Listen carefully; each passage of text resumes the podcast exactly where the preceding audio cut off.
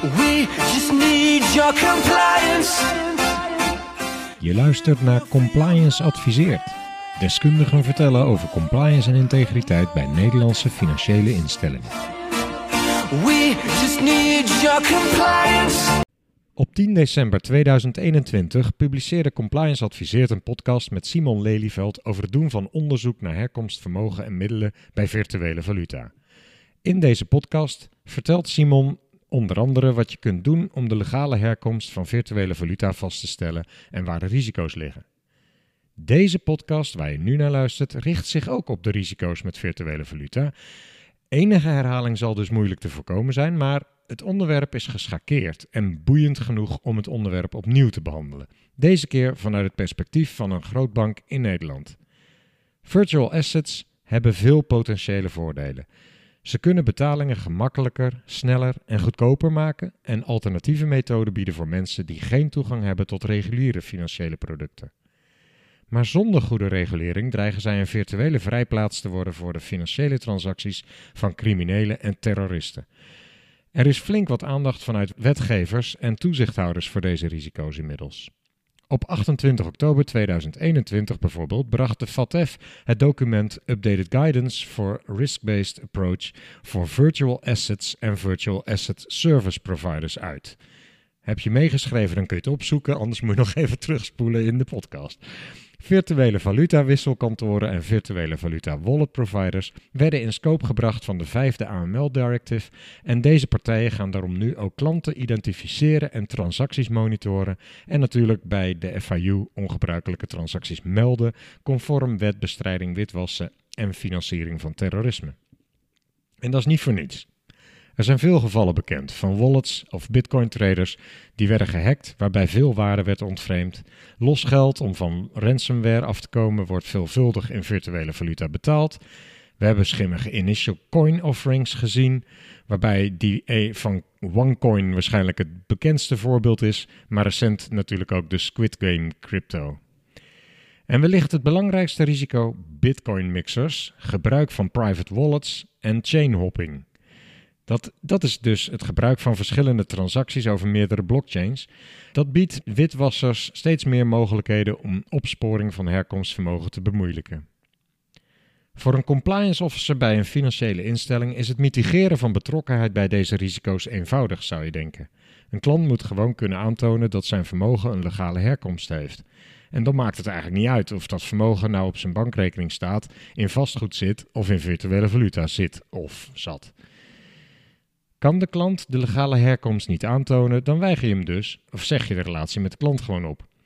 Of je weigert als financiële instelling gewoon alles wat met blockchain en virtuele assets te maken heeft. Dat gebeurde in het verleden nog wel eens, maar ik denk dat veel financiële instellingen er nauwelijks meer omheen kunnen. Als het zo eenvoudig zou zijn, hadden we natuurlijk geen materiaal voor een tweede podcast over dit onderwerp.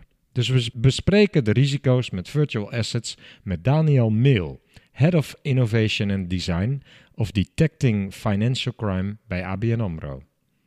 Daniel was op 20 maart 2021 al te gast bij Compliance Adviseert in een van onze meest beluisterde podcasts. Die ging toen over Detecting Financial Crime. En deze keer duiken we dus iets dieper in de materie van een afgebakend onderwerp, Detecting Financial Crime in verband met virtual assets. Nou, leuk je weer te zien in onze podcast, Daniel.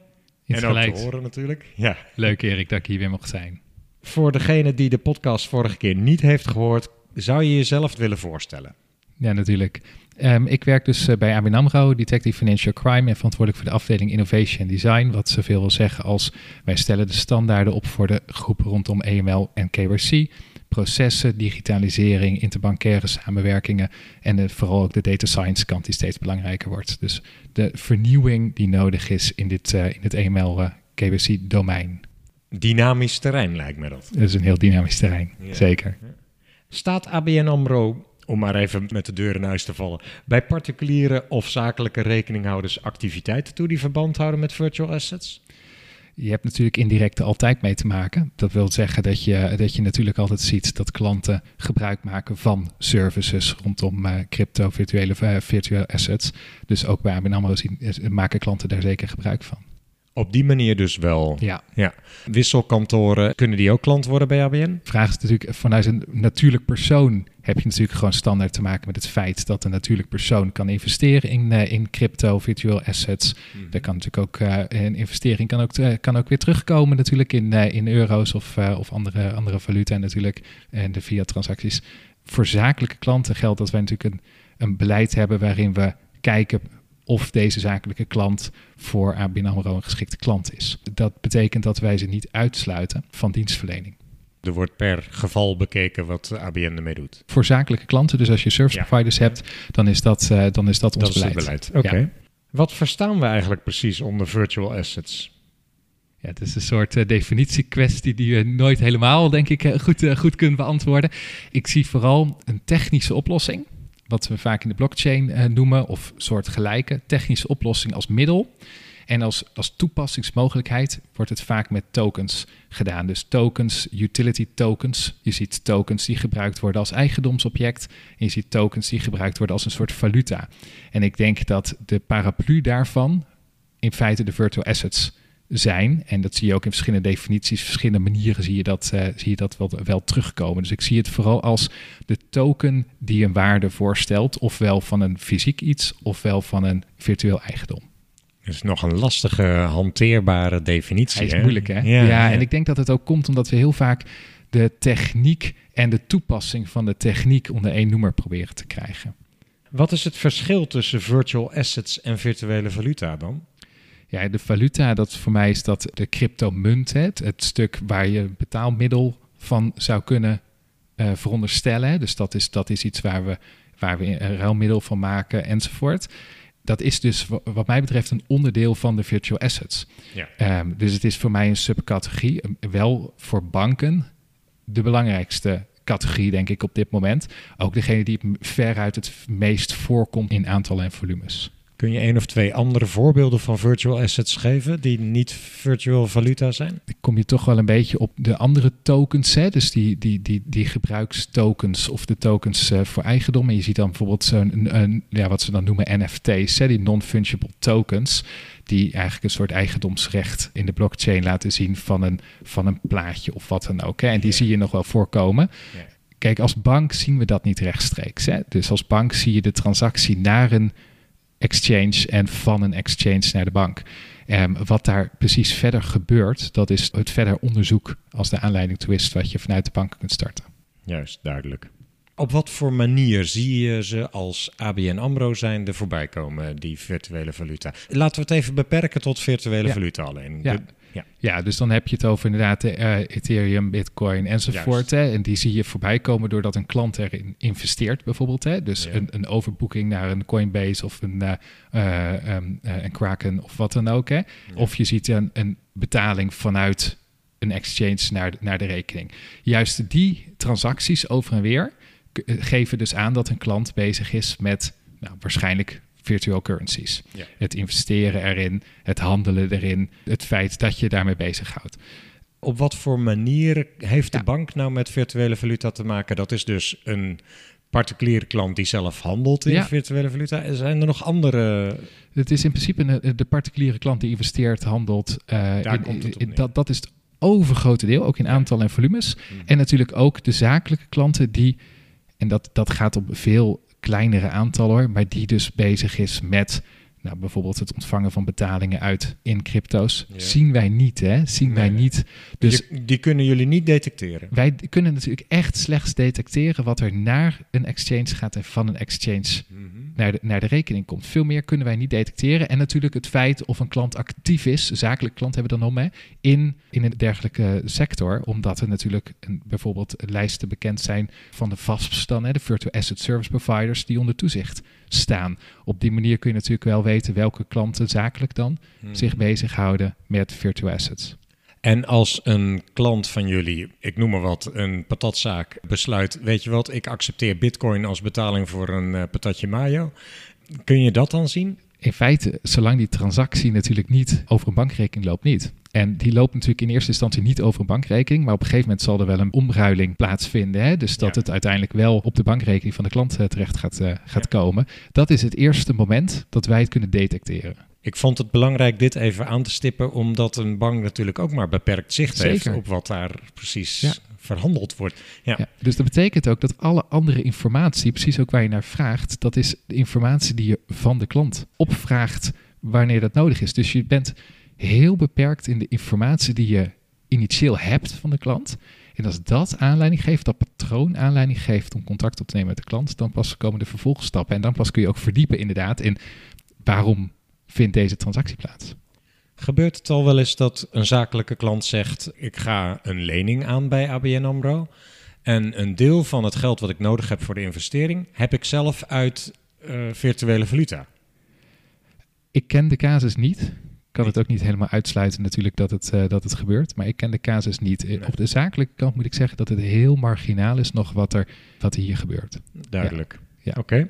Doet ABN AMRO zaken met bedrijven die zelf dan actief zijn in de crypto sector? Sorry, die vraag heb ik natuurlijk al gesteld. Je hebt gezegd eh, dat bekijken we per... eh, per... Ja, dus daar is geen, misschien voor de duidelijkheid inderdaad, we, voor zakelijke klanten hebben wij geen uitsluiting Nee. als de klant zich in de, in een, in de, in de crypto-wereld bevindt. Ja. Ofwel als consultant, ofwel als IT-leverancier, ofwel actief in een, als handelshuis. Wij sluiten geen klantencategorisch uit, maar we hebben wel een terughoudend beleid hierin dat we wel case by case kijken wat er eh, geschikt is. Mhm. En als ik dan weer even de virtuele valuta loslaat, maar gewoon kijk naar bedrijven die bijvoorbeeld in hun naam al blockchain hebben staan of duidelijk iets met blockchain doen, wordt dat wel duidelijk onderscheiden van als je kijkt naar de risico's? Het is niet per se dat het daarmee een verhoogd risico wordt, als dat eh, de onderliggende vraag hier is. Eh, want, eh, het is niet dat wij zeggen dat alles wat te maken heeft met crypto, virtual assets, dat het een verhoogd risico in zich heeft. Ehm, het is wel zo dat wij weten dat dit een, een markt is waar nog heel veel moet worden uitgezocht en nog heel veel onduidelijk is. Dus dat we heel goed willen weten welke rol een bedrijf vervult in die markt. En dat het voldoet aan de standaarden die wij ook stellen. Dus eh, hoe is het beleid opgebouwd? Hoe wordt eh, met name ook het anti-money laundering risk hier gemitigeerd? Ja. Hè? Dus dat betekent ook, wat, wat doet een bedrijf daar zelf aan? Is ABN AMRO trouwens zelf actief op het vlak van virtuele valuta? Om, op de een of andere manier. Bieden jullie zelf een, een blockchain-oplossing met virtuele valuta daarop? Of eh, doe je het op een andere manier? Ik ga even de techniek weer even loshalen van de, van de toepassing. Die techniek is heel interessant, die blockchain techniek. Ja. Het is niet dat wij nu producten of services op dit moment aanbieden die gebruik maken van deze technieken. Het is wel zo dat wij binnen de bank een groep hebben die echt een, een, een platform hebben met hoge mate van kennis. Die kennis die gebruiken wij door alle producten, services heen, ook op dit gebied. Dat gaat om crypto-risico's, dat gaat om alles wat hiermee, eh, hiermee te maken heeft. Dat betekent dat we ook kijken naar, nou, wat zou de toekomst van die techniek kunnen zijn? Hoe, voor welke producten en services kunnen wij dat, kunnen wij dat inzetten? Ehm, betekent ook niet per definitie dat we dat doen, maar wel dat we de kennis opbouwen, dat we ervan weten, ehm, dat we ook kijken waar die toepassing geschikt voor is. Op dit moment bieden wij geen crypto wallets aan bijvoorbeeld. Er zijn ook geen concrete plannen voor dit soort, eh, dit soort initiatieven. Eh, we hebben natuurlijk ook eerder al eh, laten weten dat wij het als betaalmiddel, als beleggingsinstrument op dit moment niet echt geschikt vinden. Maar dat is allemaal momentopname, wil ik er wel bij zeggen. Want op dit moment zien we dat niet, maar de techniek is interessant om verder te, te bekijken. Tokenization is heel interessant. Zeker als je kijkt naar nou, hoe je dat met aandelen, obligaties. eh, daar- daar zi- daar zijn echt nog wel mogelijkheden voor, denk ik. Kun je kort toelichten wat je in dit geval dan interessant vindt aan tokenization en wat het is? Ja, ik, ja, het is wel een goede inderdaad. Wat, wat ik daar interessant aan vind, is het feit dat het een blockchain biedt de mogelijkheid om digitaal het eigenaarschap zo vast te leggen en de transacties van waarde sterk te vereenvoudigen ten opzichte van wat het normale, traditionele proces in zich heeft. Dus het is eigenlijk, maar we, natuurlijk internet was het delen van informatie en deze techniek waar we nu met name over praten is het delen van waarde, transacties van, de, van, van waarde overbrengen. En dat biedt absoluut mogelijkheden. De vraag is, is dat nu relevant? Op welke manier is dat relevant? Dat is de breedte waar we, waar we naar kijken. Maar op, als je concrete vraag op dit moment hebben we niet proposities die als service provider of welke kant ook Nee. op gaan. We gaan nu in op het deel beleid en procedures van ABN AMRO. Wat is jouw betrokkenheid geweest bij het opstellen van het beleid en de procedures op het vlak van virtual assets? Of nou ja, laten we nu zeggen virtual valuta vanaf nu in dit gesprek. Is goed, is goed. Cryptomunten, dan kun je het hebben over betaaldiensten, beleggingsdiensten en klantintegriteit in feite. Mijn bemoeienis is vooral het klantintegriteitsstuk geweest, dus het KYC AML domein. Op mijn afdeling zijn, heeft laatst tijd een project gedraaid wat vooral heeft gekeken naar hoe, ja, hoe, hoe detecteren we beter? Hoe, wat doen we als we bepaalde cryptopatronen zien? Welke processen richten we daarvan in? Trainingen. We hebben gekeken natuurlijk van wat hebben we daarvoor nodig om dat goed, goed uit te voeren. Het gaat natuurlijk ook om de kennis ver, vergroten, verbreden binnen de bank. Daar zijn allemaal programma's op, uh, op gezet op dit moment. Dus dat betekent het investering is vooral ook in, in het weten ervan, hè, de kenniskant. Maar ook hoe detecteer je en hoe geef je daar opvolging uh, aan. Dus dat is op mijn afdeling zeg maar uh, okay. ontwikkeld samen met een heleboel andere afdelingen binnen de bank waar de kennis groot is. Hè. Dus dat, dat doen we allemaal samen. Ja. Welke risico's met betrekking tot cryptocurrency uh, ziet uh, ABN? En, en, waar zouden andere financiële instellingen ook rekening mee moeten houden in jouw ja. opzicht? Oh. Ja, je kunt het op heel veel manieren uitleggen, die risico's. Ik, ik, ik probeer hem eventjes uh, neer te zetten zoals ik hem in mijn hoofd heb. Risico's rondom cryptomunten kunnen, kunnen te maken hebben met marktmanipulatie. Het kan op klantintegriteit, dus dan hebben we het over de WWFT. En het zou op het moment dat, we, dat je als bank daar echt producten of services van zou kunnen maken, dan kan het ook een zorgplichtrisico in zich hebben. Nou, ik focus dan nu even op het klantintegriteitsrisico, hè, dus KYC AML-domein. Het is voor de context denk ik goed om te, te zien dat dit, dit echt, echt veel facetten kent. Als je op het klantintegriteit inzoomt, dan is het eigenlijk net als allerlei andere type transacties uiteindelijk die buiten het zicht verdwijnen. Ik zeg ook wel eens, cash is natuurlijk ook iets, je stort het of je neemt het op. En wat daar buitenom gebeurt, meer zie je vaak ook niet. Dat kun je alleen maar, herkomst van middelen, herkomst van vermogen, kun je alleen maar met vragen met de klant een bewijslast achterhalen. Dat geldt ook hier. Ja. Maar wat kun je ermee met, waarom zou iemand via crypto's integriteits, wat zijn dan integriteitsrisico's? Nou, dat op, op witwassen lijkt me redelijk evident hoe dat, hoe dat kan op terrorismefinanciering ook. Want je kunt met enige vorm van anonimiteit kun je natuurlijk gelden overboeken, hè, indirect. Wat we ook zien is bijvoorbeeld de op tax integrity, dus belastingintegriteit. Waar we nog wel eens het, het, het fenomeen saldinist kenden. Dus het feit ja. dat iemand net, net voor de jaargrens het, het geld van de rekening opnam en het daarna weer stortte. Dat is ook iets wat je heel makkelijk in cryptomunten kunt doen. Ja. En je kunt bijvoorbeeld uh, nou, anti-bribery corruption kant hè, van de, uh, de, de, we, zien, we zien ook daar natuurlijk wel de, de risico's. Dus je ziet risico's in narcotica, in de ransomware kant, hè, van wat wordt er nou mee gedaan, wanneer wordt nou een cryptomunten betaald. We zien op echt veel verschillende vlakken dat crypto of verhullend kan werken. Hè? Dus dan, is het, dan heb je het gaan over privacy coins. Hè? Dus dat de anonimiteit min of meer geborgd wordt van je transactie.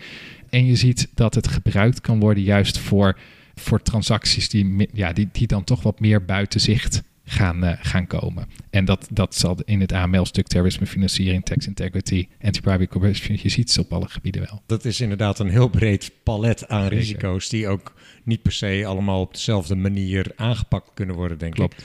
Maar interesseert het de, de bank eigenlijk überhaupt dat iemand met de cryptomunten verder doet? Ik bedoel, op het moment dat hij het weer wil gaan gebruiken en op zijn bankrekening in euro's omzet, dan wordt het pas relevant, toch?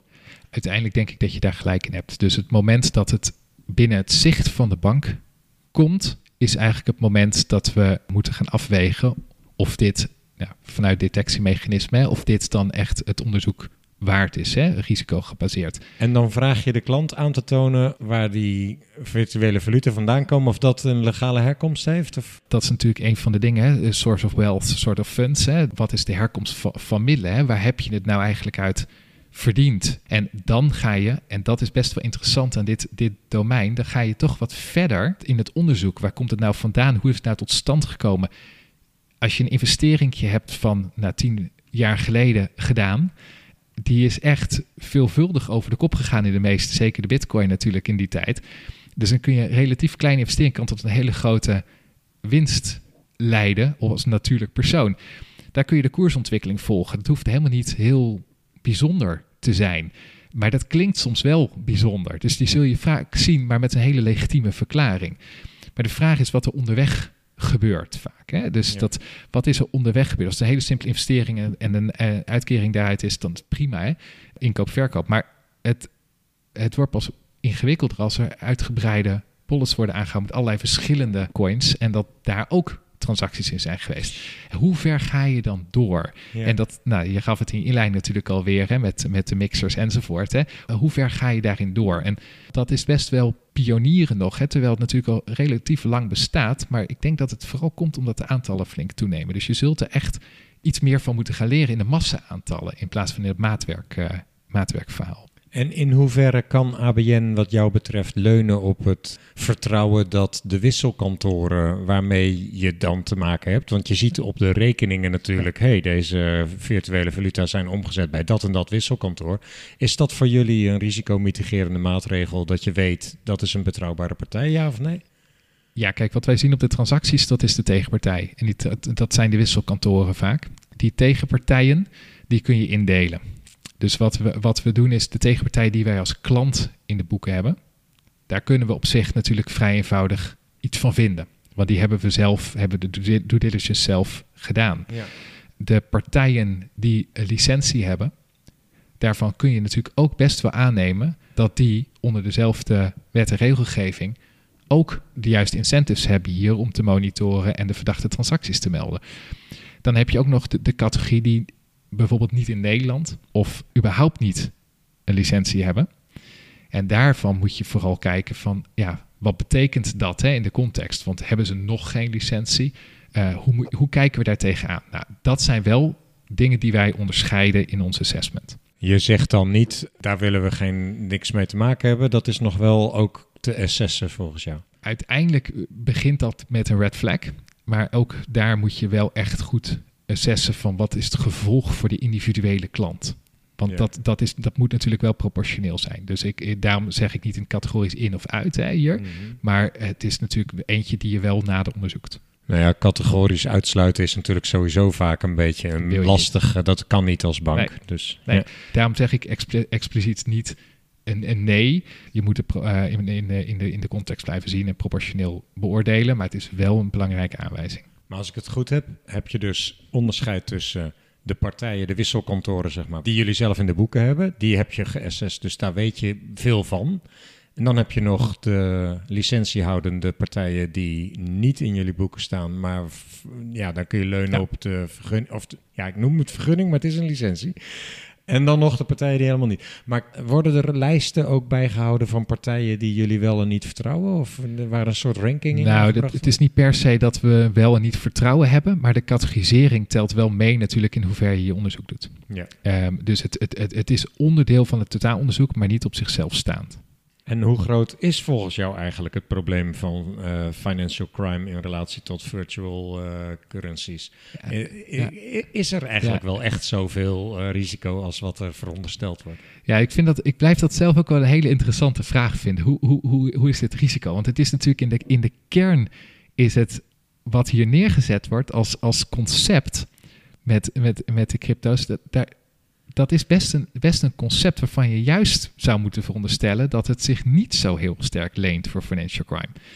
Aan de andere kant zien we natuurlijk zeker in de statistieken die nog wel eens gepubliceerd worden, dat er nog wel relatief hoog percentage als mogelijk verdacht wordt gepubliceerd. Hè? Dus vanmorgen zag ik nog eh, Chainalysis, die eh, wel laat zien dat in absolute aantallen het flink toeneemt, maar dat is natuurlijk op zich eh, logisch, maar een percentage afneemt. Dat komt natuurlijk gewoon door het feit dat, het, dat er veel meer Het wordt meer mainstream. meer mainstream wordt. En ik denk dat die trend wel doorgaat. Nu is het percentage wat ze noemen volgens mij 0,15% is nog natuurlijk vergeleken met traditionele banken nog best wel hoog. Hè? Dus eh, ik, de- ik denk als, eh, of ik wil dat niet per se als waarheid neerzetten, dit percentage, maar alle percentages ook van anderen die je leest, zijn nog relatief aan de hoge kant, denk ik. Dus het leent zich er absoluut voor, zeker voor anonimiteit, verhulling, eh, integratie. Eh, je hebt verschillende, nou, verschillende manieren, zeg maar, hier om ervoor te zorgen dat je toch ook met witwassen toch best wel ver kunt komen met, met crypto's. Maar is het nou echt de vrijplaats? Nou, dat, dat, dat durf ik echt sterk te betwijfelen. En, en hoe heeft de bank nou eigenlijk kennis opgedaan over die techniek en over die risico's en over virtuele valuta? hoe doe je kennis op? Hè? Dat is, uh, dat is een, eigenlijk een algemene vraag. In dit geval hebben we een multidisciplinair team. Hè? Dus dat betekent vanuit, uh, vanuit onze juridische afdeling, vanuit onze compliance afdeling, vanuit de, uh, de, de, de business kant van de bank. Hè? Daar wordt daar is een, een multidisciplinair team dat al jaren bij elkaar is en daar positioning papers over schrijft. Ons als bank zeg maar um, adviseert op de, verschillende, op de verschillende risico's die lopen en ook de trends die zich, uh, die zich daarvoor doen. Waar moeten we rekening mee houden enzovoort. Dat is, dat is een groep die, die door de loop der jaren gewoon heel veel kennis heeft, uh, heeft opgedaan. En die kennis wordt steeds breder verspreid over de bank. Dus het, het wordt natuurlijk, nou, wat je zegt, al steeds meer mainstream. Je kan het niet als maatwerk gaan zien. Het is gewoon standaard onderdeel van transacties. Dat er gewoon best veel transacties van en naar wisselkantoren gaan. Je verwees net al naar Chainalysis. Ja. Zijn er nog andere bronnen die jullie gebruiken om kennis op te doen over dit uh, onderwerp? Ja, op zich best wel veel. Als je, uh, ja, er wordt ook veel gepubliceerd. Hè? Dus de, je, ziet, je ziet het zeg maar op, op alle vlakken wel gepubliceerd worden. Dus er, er wordt een heel breed arsenaal bijgehouden op dit, uh, op dit gebied. Dus ik, ik noem nu één onderzoek omdat ik die toevallig vanmorgen heb, uh, ja. heb gezien. Ja. Maar dit, dit, het is een vrij breed arsenaal wat er wordt bijgehouden. En dat, dat, dat heeft echt wel te maken met de trends die zich op de techniek focussen. De trends die zich focussen op zeg maar type toepassing uh, die, die, die er is. Ja, dat, dat wordt heel breed uh, gevolgd bij ons. Als je dan zelf dat onderzoek hebt gedaan naar bronnen die ja, redelijk onafhankelijk zijn, denk je dan dat de regulering die er volgt vanuit uh, Europa en dat dat, dat dat passend is? Dat, kunnen jullie met kennis zelf uit de voeten of en past dan die regulering daar goed bij, vind je? Hoewel het natuurlijk al best een aantal jaren praktijk is, dat het toch nog wel voelt als pionieren. Dat komt omdat de, de, de, schaalgrootte echt, echt aan het toenemen is.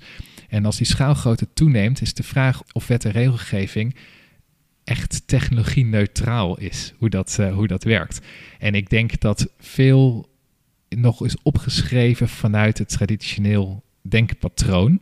En dat we echt wel goede stappen zien. Je ziet er veel aandacht voor. Hè? Dus je uh, ziet... wat, wat, voor traditioneel denkpatroon bedoel je dan precies? Wat, ja, wat ik, wat ik bedoel is bijvoorbeeld het feit natuurlijk dat um, nou, blockchains die hebben allemaal wel hun eigen nou, hun eigen concept. Maar als je bijvoorbeeld even toch even, toch even naar die bitcoin gaat, hè, dan is dat best wel gedecentraliseerd natuurlijk, hoe dat werkt. -hmm.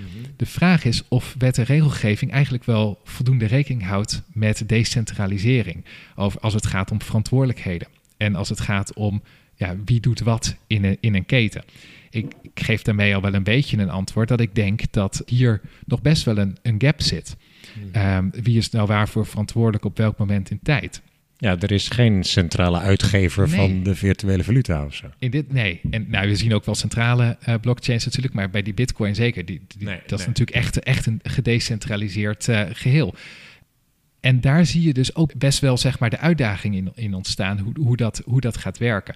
Er wordt gelukkig, denk ik, veel over geschreven. En je ziet ook wel natuurlijk in de, uh, in de vijfde AMLD wat in terugkomen. Je ziet het in verschillende reviews en in evaluaties terugkomen. Dat het echt een, een, een interessante invalshoek geeft waar ook veel over geschreven wordt en veel wordt toegevoegd. En ik denk dat dat belang, belangrijk is dat we daar gaan beginnen. En dan, nou, dan gaan we wel ergens uitkomen, denk ik. Een beetje mm. closing the gap. Hè? Hoe, ga, hoe, gaan we, hoe gaan we dat doen? Het is nog echt in een pioniers. Maar het is, wel, het is nog wel in die fase. Ja. ja. ja. ja. En, en als je nou kijkt naar het moeten voldoen aan wet en regelgeving en aan alle kennis die jullie inmiddels vergaard hebben zelf. Waar heb je jij als afdelingshoofd dan het meest gesprekken over met collega's? Als je het heel praktisch maakt, wanneer neem je contact op met de klant en wat is de bewijslast die je vraagt van de klant? Ja. In feite is, is dat de kern van ons alledaagse vraagstuk hieromheen. Dus wanneer vind je nou dat er aanleiding is dat er bewijslast moet worden opgevraagd en wat, waar bestaat die bewijslast dan uit?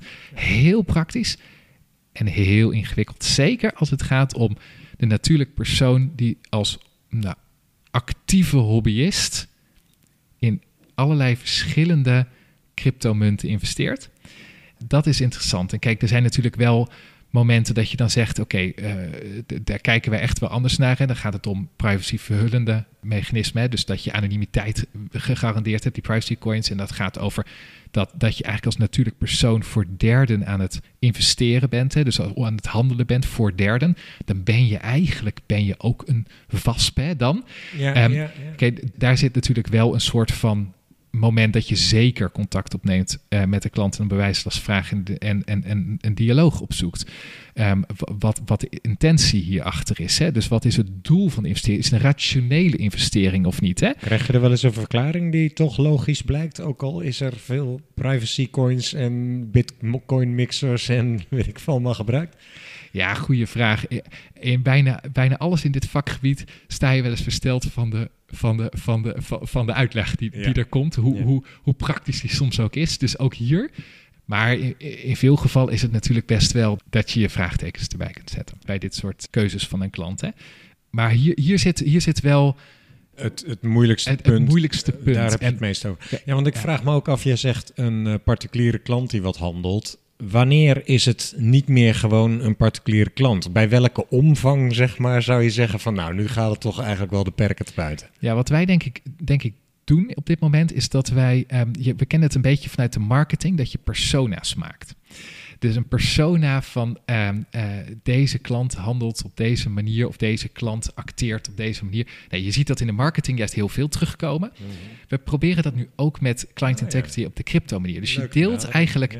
je detecteert een klant, maar je deelt hem of haar ook, of de zakelijke kant, hè, deel je ook in in een categorie waarin je zegt: oké, maar deze klant is in feite gewoon een, een, een, een actieve hobbyhandelaar. Of deze is in feite zo, zover dus professionele handelaar. Juist. Ehm, daar zit geen goed of fout in. Daar zit juist in dat je aan het zoeken bent naar wat is nou het patroon van deze klant. En dan zijn degenen die je niet makkelijk kan indelen, zijn eigenlijk degene waar je het meest interesse in, eh, in hebt vanuit het financial crime gedachtegoed natuurlijk. En juist daar gaan we dan over het algemeen op, eh, op, op verder. Wat vinden jullie eigenlijk dan normaal gedrag van een particuliere klant? Ja, Wat, wat, wat beschouw je als laag risico, zeg maar? Ook Ja. al is er Ja. sprake van handel in virtuele valuta. Ja, ja, wat we als laag risico is de natuurlijk persoon die naar, zeg maar even de gelicenseerde wisselkantoren de investeringen doet, re- relatief structureel handelt, bedragen verklaarbaar zijn over de tijd, dat je gewoon een, een verwacht patroon ziet met bekende tegenpartij, om het maar even zo te zeggen. Dat, Mhm. dat, is, dat is in de kern is dat zeker als het ten opzichte van de, van de normale gelden over de rekening, ten opzichte van inkomen, dat het normale bedragen zijn, dan zien we dat echt wel als laag risico. Dat vinden we helemaal niet zo spannend. Ook niet als het relatief veel transacties zijn. Dat, je ziet het gewoon, het is mainstream aan het worden. De aantallen transacties zijn echt groot aan het worden. Dus dat is echt wel laag risico. Hoger risico wordt inderdaad, nou, waar we het net over hadden, als er geen licentie, als bij navraag blijkt dat er inderdaad best wel irrationele investeringen eh, eh, worden gedaan, hè, dan, is toch, dan moet je echt wel wat verder gaan. Hè, van wat, wat is dan de verklaring? Waarom, waarom doe je dit? Waarom ben je hiermee bezig? Ehm, en eh, aan de zakelijke kant, om die er ook maar bij te hebben, wat je ook nog wel eens ziet, hè, dat je dus crypto cash, cash crypto wi- wissels kan, kan hebben. Ja, als een klant daarmee mee bezig is, is best wel er komt ook best wel een vraagteken op. hè? Niet snel een legale eh, verklaring voor te bedenken. of- Nou, dat is vrij ingewikkeld, denk ik. ja, hè? Ja. ja. Ja. In ieder geval moeilijk aantoonbaar. moeilijker aantoonbaar ook. En, maar ook daar valt weer van, dat, dan begin je misschien wel met het, met het gevoel van dit is verdacht. Maar ja, uiteindelijk kan voor alles ook weer een verklaring Ja, zijn natuurlijk. Maar dit, dit zit wel in, in het stuk waar je, waar je wel echt vragen stelt. Oké, er is aanleiding bij Ja. een particuliere klant om Ja. te vermoeden hier is iets raars aan Ja. de hand. Wat vragen jullie dan precies op? Ja, dan, eh, dan eh, gaan wij eerst in contact met de klant op voor een uitleg. Je belt de klant, je vraagt de klant om, eh, om uitleg over de, over de transactie. Dan kan het zijn dat wij daar extra bewijslast voor zouden willen zien.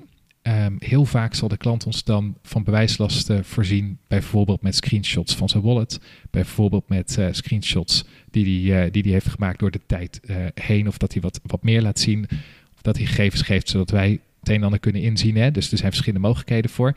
Over het algemeen werkt dat toch met screenshots van, eh, van, van wallet.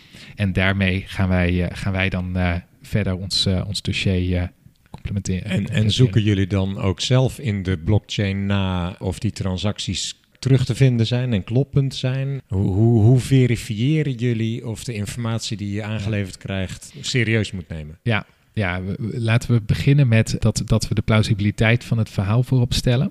Ehm, en op het moment dat we daar twijfels over hebben, dan gaan we valideren. We hebben niet specifieke tooling om te valideren. Dus jullie kijken zelf niet in de blockchain. Nou, wij kijken natuurlijk naar wat er publiek beschikbaar is, maar we maken geen gebruik van additionele tooling op dit moment. Nee. Maar je kan Ja. natuurlijk ook op internet wel Ja, eh, kan. bijvoorbeeld over koersinformatie, maar zelfs eh, bitcoin transacties kun je gewoon op internetsites terugvinden. nee, precies. Maar de- tot zover kun je gaan. Maar Dat doen jullie ook wel in geval dat je twijfel hebt. Nou ja, ja, in geval. Kijk, koersontwikkeling zeker. Hè? Dus dat, eh, dat, dat wordt absoluut mee, meegewogen. En op het moment dat je gewoon op, op publieke bronnen kun je natuurlijk verifiëren voor zover mogelijk. Maar het is niet dat wij daar additionele tooling voor hebben aangeschaft om dat te vereenvoudigen of te standaardiseren op dit moment. Nee.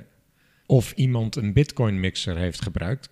Hoe, dat kun je helemaal niet zien. Dat kun je niet vaststellen, Nee, toch? dat kun je Nee. absoluut niet vaststellen. Bij ons is het echt sec, de transactie heen en weer. Dat kunnen we vaststellen. Ja. Of bij een zakelijke klant in welke sector iemand, eh, of iemand dan, hè, waar een bedrijf actief is. Veel meer basisinformatie heb je niet. En dan, is het, dan heeft het dus echt te maken met wat je met de, het klantcontact boven water haalt. Maar da- dan is het misschien ook niet meer eens meer zo heel erg relevant of die wel of niet een bitcoin mixer heeft gebruikt. Het, het wordt pas relevant. Je wil natuurlijk naar de herkomst van middelen of herkomst Precies. van vermogen kijken. En eh, het, het, het, het is in de kern minder relevant. Maar het wordt relevanter als er geen goede verklaring voor de herkomst van vermogen of herkomst van middelen is. Hè? En je stuit dan op het gebruik van een bitcoin mixer. Ja, dan geeft dat continu aanleiding tot meer vragen. En meer vragen is Ja. over het algemeen ja, toch een beetje eh, richting het, het, het, is dit nou verdacht of is dit niet verdacht? Als we dan kijken naar de processen rondom het mitigeren van die risico's en het onderzoeken van de legale handelingen van die klant. Wanneer houdt het nou op? Wanneer zeg je nou, nou, dat is echt helemaal onacceptabel? we zien alleen maar de transacties van en naar zo'n wisselkantoor. Als er verdenkingen zijn en de bewijslast die of niet volgt, of die volgt met eigenlijk de onderbouwing dat er wel, ja, dat er ook vanuit daar best wel veel vraagtekens zijn. Het is niet dat je zomaar dan zegt onacceptabel, maar als die vraagtekens niet opgehelderd worden, dan gaat het wel die kant op. Ik kan net niet zeggen dat het grote aantallen zijn. Het niet verklaarbaar is. Of wat echt aanleiding tot een afscheid van een klant zou, zou zijn. Wat vraagt het van een KYC-analyst om vast te stellen of dit nou lekker eh, klopt, ja, of nee? dat is, we hebben er wel een uitdaging bij. Eh, die is niet klein ook. Het gaat om, eh, om, eh, om, de, om de kennis. Het gaat om de goede vragen stellen hier. Die kennis, het is best een specialistisch domein, dit stuk. En we vragen best veel van een KYC-analyst hè, op alle type risico's, toch de alertheid. Dus de kennis van het cryptomuntenfenomeen is, is zeker heel hard nodig. Maar het vraagt dus ook meer diepgaande kennis over hoe dat nou eigenlijk werkt. Waarom iets, iets plausibel? Waarom is iets niet plausibel? Dus training, awareness, goede vragen stellen. En dat, eh, ja, dat, daar, daar vragen echt veel van. Nou, er zijn natuurlijk ook heel veel verschillende wallets. En Daarom. als, als jij vertelt, eh, ze sturen ons een screen capture. Ja. Nou ja, bepaal maar eens of dat een Ja. zinvolle screen capture is. Ja, Eh, exact. exact. Dus wij centraliseren het ook bij analisten die hier veel kennis van hebben. Ja. Dat is een soort tijdelijke situatie. Want je wil natuurlijk dat het overal bekend is, omdat het gewoon mainstream is. Mhm. Dus we centraliseren, maar het is ook het idee om het weer Te- door te trainen en door te Ja, geven. om Ja. gewoon door te trainen, doorgeven enzovoort. Dus ja, gewoon belangrijk om die basiskennis hoog te hebben. Hebben jullie goede relaties met bitcoin traders en wallet providers? Dat is een leuke vraag. Eh, Met eh, partijen waar, die natuurlijk bij ons in de boeken staan, zijn natuurlijk makkelijke relaties. Dat, dat, zijn, dat zijn onze klanten en het zijn providers. Daarmee kun je natuurlijk gewoon zeggen, daar heb je, ja, je hebt je reguliere contact. De partij die niet bij ons in de boeken staan, er is niet een speciale afdeling of speciale overlegstructuur voor op dit moment. Nee. Nee.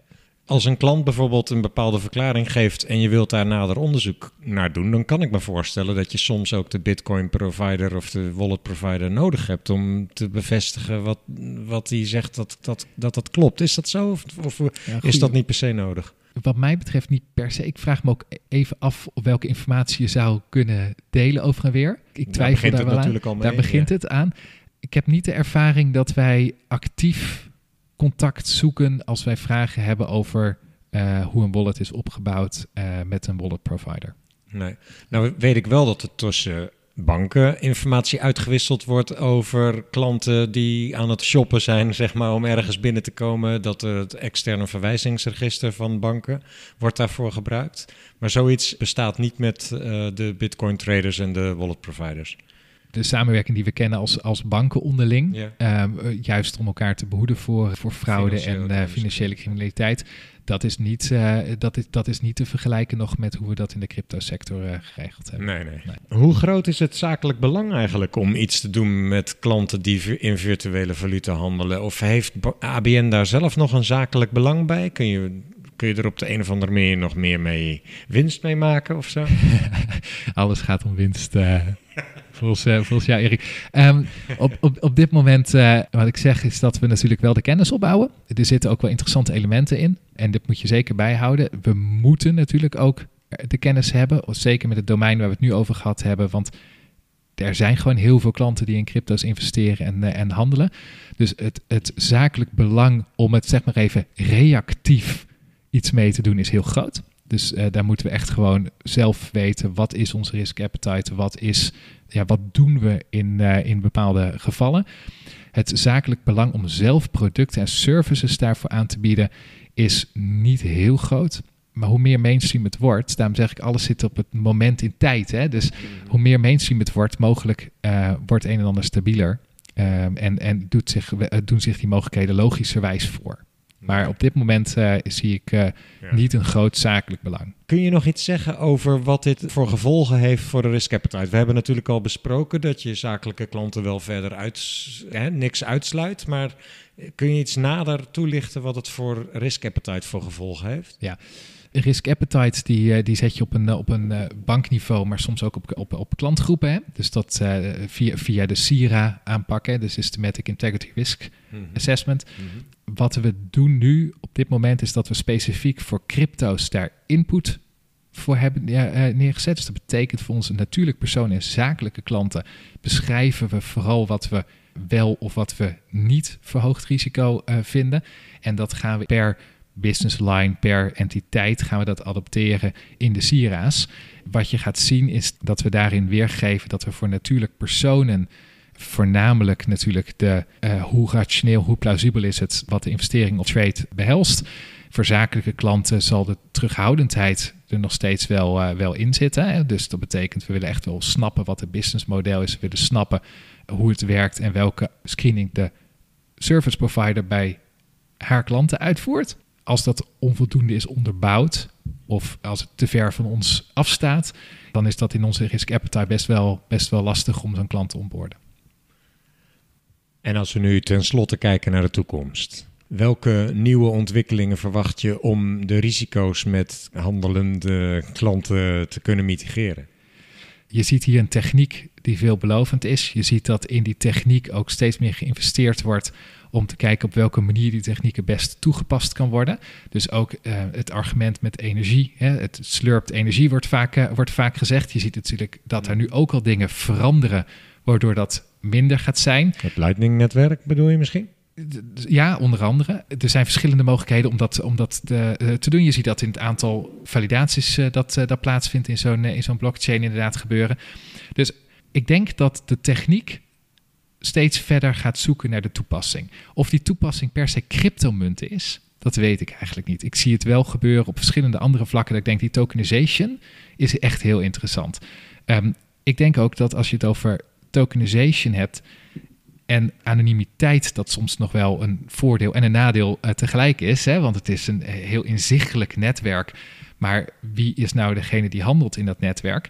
Dat we steeds meer met een digitale identiteit, als we dat steeds beter kunnen, kunnen koppelen en dat we ook weten wie heeft nou permission om wat te zien, dus dat we daar ook stappen maken, denk ik dat verschillende technieken, dus de privacy ehm, vriendelijk delen van data, het onweerlegbaar netwerk en de identiteit van de klant digitaal, eh, eh, een digitale eenduidige uniforme identiteit van de klant.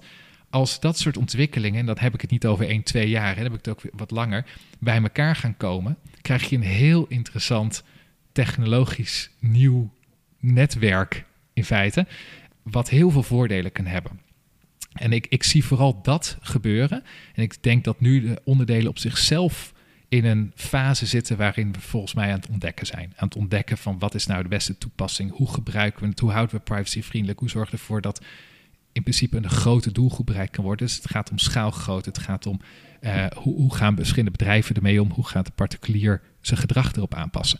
En als dat bij elkaar komt, dan gaan we wel nog een stap in die digitale maatschappij maken. En zo, zo, daar zie ik dit gewoon als onderdeel van. Dankjewel. Wil je nog tenslotte een advies aan onze luisteraars overbrengen wellicht? Uh, tuurlijk. ik denk dat mooi aansluitend hierbij blijf je verdiepen inderdaad in, uh, in, in nieuwe ontwikkelingen, maar kijk ook in welke context het plaatsvindt.